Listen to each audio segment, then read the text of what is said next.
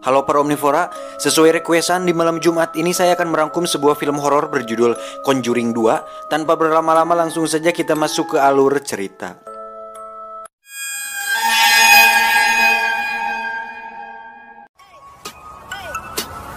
Get it when I get back.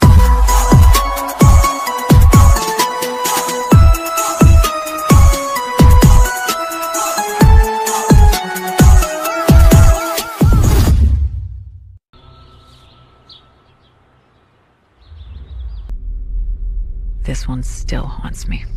Two months prior to our involvement, the Lutz family had fled their home in the middle of the night. Adegan diawali dengan sebuah penyelidikan yang dilakukan oleh pasangan suami istri ada Ed dan Lauren pada kasus pembunuhan di Amityville, di mana mereka berdua adalah pasangan paranormal yang sering memecahkan kasus mistis yang sulit diselesaikan. Ed dan Lauren bersama beberapa orang duduk di satu meja berbentuk sebuah lingkaran. Kemudian, Lauren pun memberikan instruksi kepada mereka untuk memejamkan mata. His entire family in this house. As Ronnie DeFeo testified in court. Tiba-tiba, Loren pun mulai mendapat penglihatan dan dia merasakan bahwa rohnya telah lepas dari tubuhnya. Lalu, ia bergerak menyusuri anak tangga menuju kamar di lantai atas.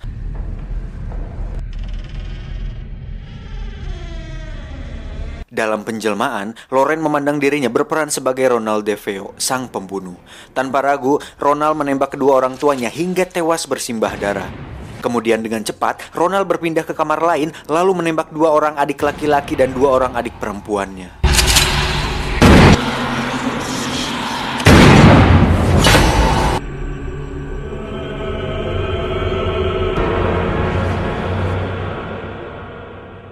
Loren yang menyaksikan langsung adegan pembunuhan tersebut pun merasa sangat tertekan. Lalu ia mencoba mencari tahu apa yang mendorong Ronald melakukan pembunuhan keji terhadap keluarganya sendiri. Saat Loren sedang berjalan, ia bertemu dengan sosok hantu anak laki-laki yang mengintipnya di antara ruangan yang gelap. We're through. It's time to come.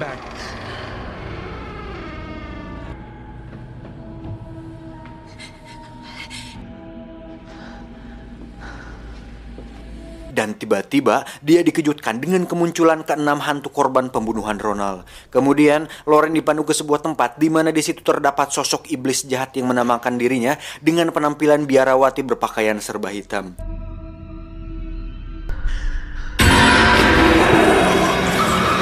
Tiba-tiba, iblis tersebut menyeringai dengan suara yang keras lalu memperlihatkan kematian Ed suaminya. Melihat kejadian tersebut, Loren pun berkata kepada Ed untuk berhenti menangani kasus supranatural. Dan ini akan menjadi kasus terakhir yang mereka tangani.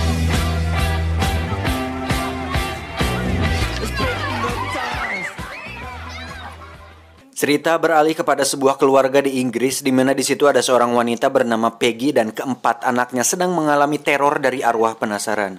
Kejadian aneh tersebut bermulai saat kedua anaknya bermain Oiza yang di mana hal itu dilakukan untuk memanggil arwah penasaran yang pada akhirnya mereka tidak sengaja membuka celah bagi iblis dan membiarkan roh jahat keluar dan meneror keluarga mereka.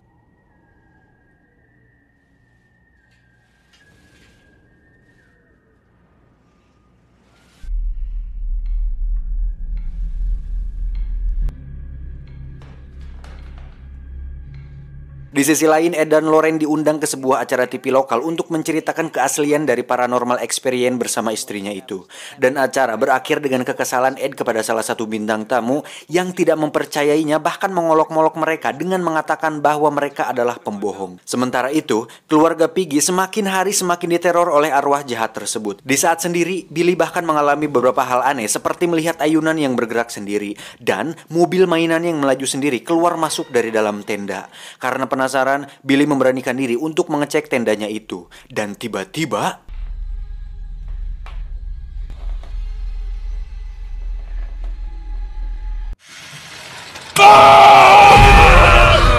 Ya, terdengar suara menyeramkan yang membuat Billy ketakutan hingga lari kepada ibunya Peggy. Melihat hal itu, Peggy pun memutuskan untuk memeriksa setiap sudut ruangan. Dan betapa terkejutnya dia saat melihat Janet tengah tertidur di atas kursi goyang. Come on. Right, let's get you back upstairs, eh? Keesokan harinya, Janet pun kembali diteror oleh arwah kakek tua yang menyembunyikan remote dan mengoprek televisinya. Melihat hal itu, Janet pun langsung menghubungi Mas Roy Kiyoshi, tapi karena tidak memiliki nomor teleponnya akhirnya tidak jadi. Scene berpindah ke rumah Ed dan Loren di mana Ed terlihat sudah bangun lebih awal karena selalu bermimpi buruk tentang sesosok roh jahat. Merasa penasaran, Ed pun mulai melukis sosok tersebut. Saat Loren melihat lukisan tersebut, dia semakin yakin bahwa dirinya dan Ed benar-benar harus menghentikan pekerjaan supranatural mereka untuk waktu yang sangat lama. Kembali ke rumah Peggy. Terlihat Janet sedang mengikat tangannya dengan tali untuk mengantisipasi penyakit tidur berjalannya. Tapi tiba-tiba, Janet terlempar dari tempat tidurnya. Tak lama Janet kembali diteror dengan suara gedoran di pintu kamarnya. Janet yang penasaran pun memberanikan diri untuk memeriksanya, namun karena lampu tidak mau menyala, dia pun memakai senter.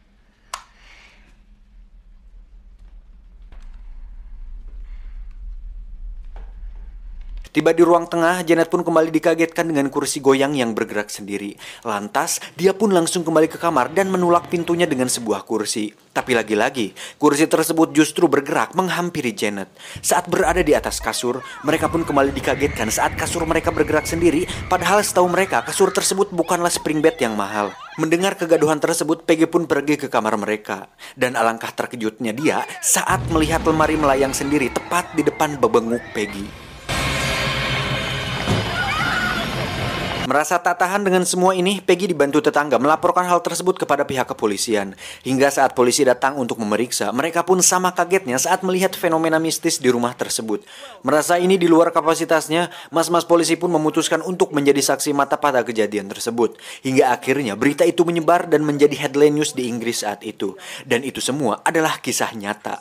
Loh, di sisi lain, terlihat saat Loren sedang membaca Alkitab, tiba-tiba dia dikagetkan dengan suara musik yang berbarengan dengan menghilangnya sang anak. Saat diperiksa, dia justru melihat sosok bayangan hitam yang berjalan menuju tepat di belakang lukisan Ed. Saat diperhatikan lebih jelas, tiba-tiba muncullah sosok iblis yang membawa Loren ke dimensi lain, yang ternyata itu hanya mimpi.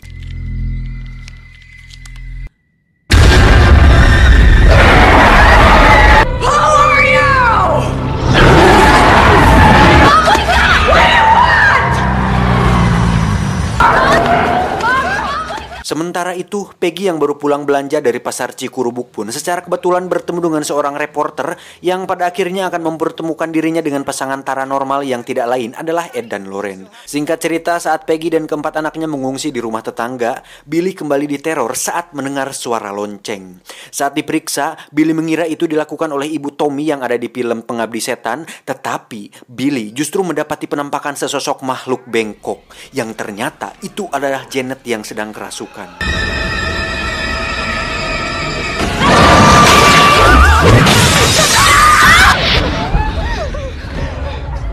Kembali ke Ed dan Loren, di mana saat itu ada seorang pendeta yang mengunjungi rumahnya, yang mana tujuan dari pendeta tersebut untuk meminta tolong kepada mereka perihal teror yang dialami oleh sebuah keluarga di Inggris yang tidak lain adalah keluarga Peggy. Namun yang seperti kita tahu, Loren sudah lelah dan tidak ingin bersupranatural lagi, tetapi karena terus dibujuk dan dimotivasi oleh Ed, Loren pun akhirnya setuju untuk kembali meramaikan hasanah persupranaturalan duniawi lagi. Setibanya di London, mereka berdua langsung bertemu dengan Peggy dan keluarga. Hingga saatnya mereka dibawa masuk ke kamar Janet. Betapa terkejutnya saya saat melihat ada banyak salib terpasang di semua dinding kamar. Begitupun Loren yang mencium aroma-aroma mistis yang sangat besar di dalam kamar tersebut. Ketika Loren sedang melakukan percakapan persuasif kepada Janet, tiba-tiba dia mendengar bisikan yang mengatakan bahwa ada roh jahat yang akan melukai dirinya. Untuk membuktikan hal tersebut, mereka pun memulai sebuah ritual di mana Janet diharuskan mengham-ham air di dalam mulutnya. Hal itu bertujuan untuk membuktikan bahwa semua perkataan yang dilontarkan oleh Janet benar-benar berasal dari roh dan bukan suara Janet yang dibuat-buat. Hingga saatnya dimulai, ternyata roh tersebut tidak ingin dipandangi karena malu oleh mereka semua yang lebih bersih dibandingkan hantu tersebut yang belum mandi sejak dirinya mati. Benar saja, saat mereka sudah membelakangi Janet, hantu tersebut akhirnya angkat suara, di mana si hantu kakek-kakek tersebut memberikan sebuah kata yaitu tolong dia lepaskan. Dan si hantu pun mantap. Singkat cerita, malam pun tiba. Saat semua orang sudah bobo nyenyak, tiba-tiba Janet terlilir dan mendapati dirinya sudah berada di langit-langit ruang tamu. Kemudian terlihat hantu si kakek yang berjalan menuju ke kamar Janet. Lalu dengan sekejap, Janet sadar-sadar sudah berada di dalam kamar miliknya. Hingga saat si kakek hantu akan menyerangnya, Ed dan kawan-kawan berhasil menyelamatkannya.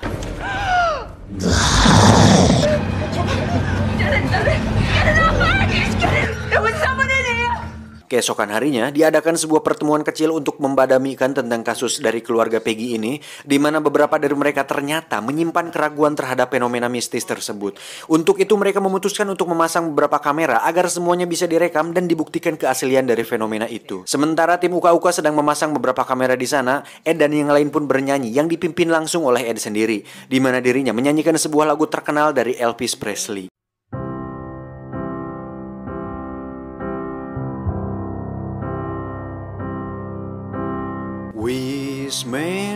Say only fool rush in, but I can help falling in love with you. Like a river flows surely to the sea, darling, so it goes. Some things are meant to be. Ja, ja, ja, ja, take my hand, take my hand, while to. For I can help falling in love, love, love, love, love. Ja, ja, with you. Bapak hajat anu bager hatur nuhun, cerot, treng, deng, deng, deng, deng, deng. Lanjut, singkat cerita malam pun tiba. Ketika yang lain sedang menghias pohon Natal, tiba-tiba Janet digagetkan dengan sosok roh jahat yang memainkan pisau di ruang dapur. Salah satu anggota tim Uka-Uka yang melihatnya langsung pergi ke dapur untuk mengambil pisau yang tertancap di meja. Tapi tiba-tiba, beliau langsung dikagetkan dengan pintu yang tertutup dan barang-barang yang berterbangan. Saat teror selesai, mereka pun menemukan Janet yang sudah berada di dalam sebuah gardu listrik yang tak jauh dari sana. Entah sedang membantu PLN atau mengambil listrik secara ilegal, entahlah hanya Gundala yang tahu.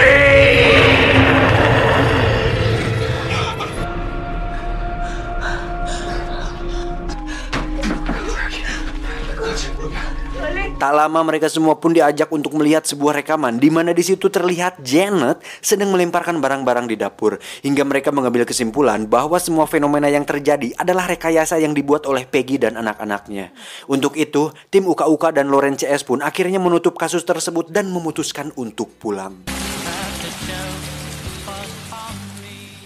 Hingga saat Loren CS sudah berada dalam kereta, tak sengaja kaset rekaman paranormal activity itu pun terjatuh dan membuat tanda silang.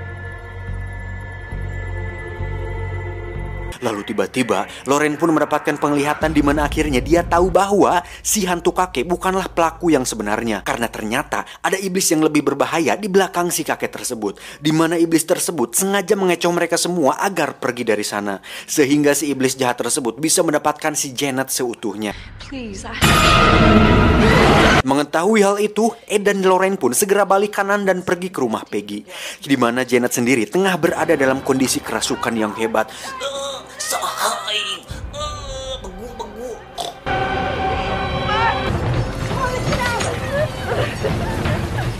Dan saat mereka tiba, Ed dan Loren pun langsung melewati berbagai hambatan untuk sampai di kamar Janet. Hingga saatnya Ed sampai di sana, terlihat samar-samar bahwa Janet nampak seperti akan loncat melalui jendela.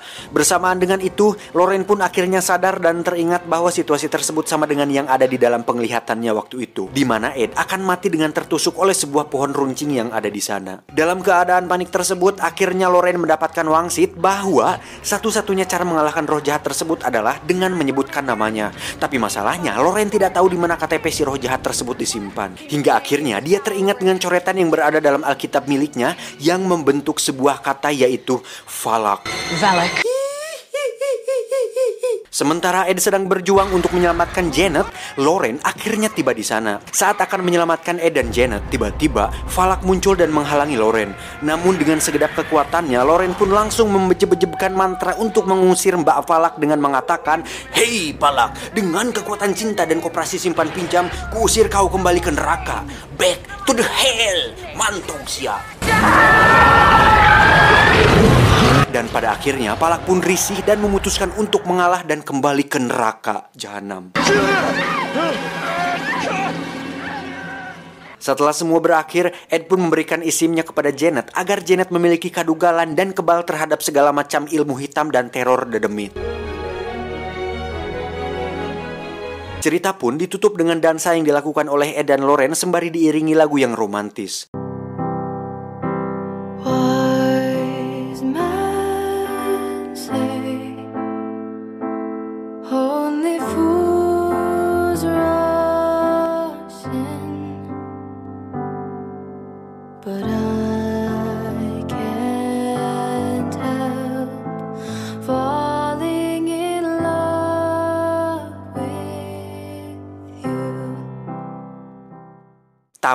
Ending yang sangat memfalakan.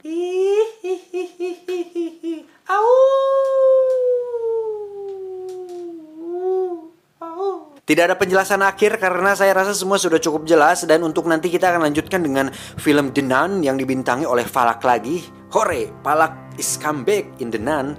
Saya John beserta jajaran direksi yang bertugas mengucapkan selamat malam dan never surrender. Eh, pernikahan ikan paus. Bye bye. Anjir capek banget nih. Rekaman kali ini terlalu bersemangat nih konten hari ini tuh terlalu over powerful si gue teh. Jadinya aku pengen udut karena sungut aku sudah asem anjing. Garing ini, tenggorokan gue sudah kering. Kohal, kohal. Ah, motor lewat deh. Ah, mantap. Request lagi ya eh, konten selanjutnya apa lagi? Sok lah diterima gitu mah. Kalau udah ikut 7 persen itu kan khusus apa, apa, menampung semua requestan requestan. Tapi kayaknya saya tidak sepa powerful ini di IQ 7 di channel utama. Mungkin karena aku di sini merasa bebas. Itu kan udah satu juta, sudah mencakup semua orang dan dilihat oleh semua orang. Jadi akunya takut guys. Ulah dah guys, aku mau modal dulu ya guys. Bye.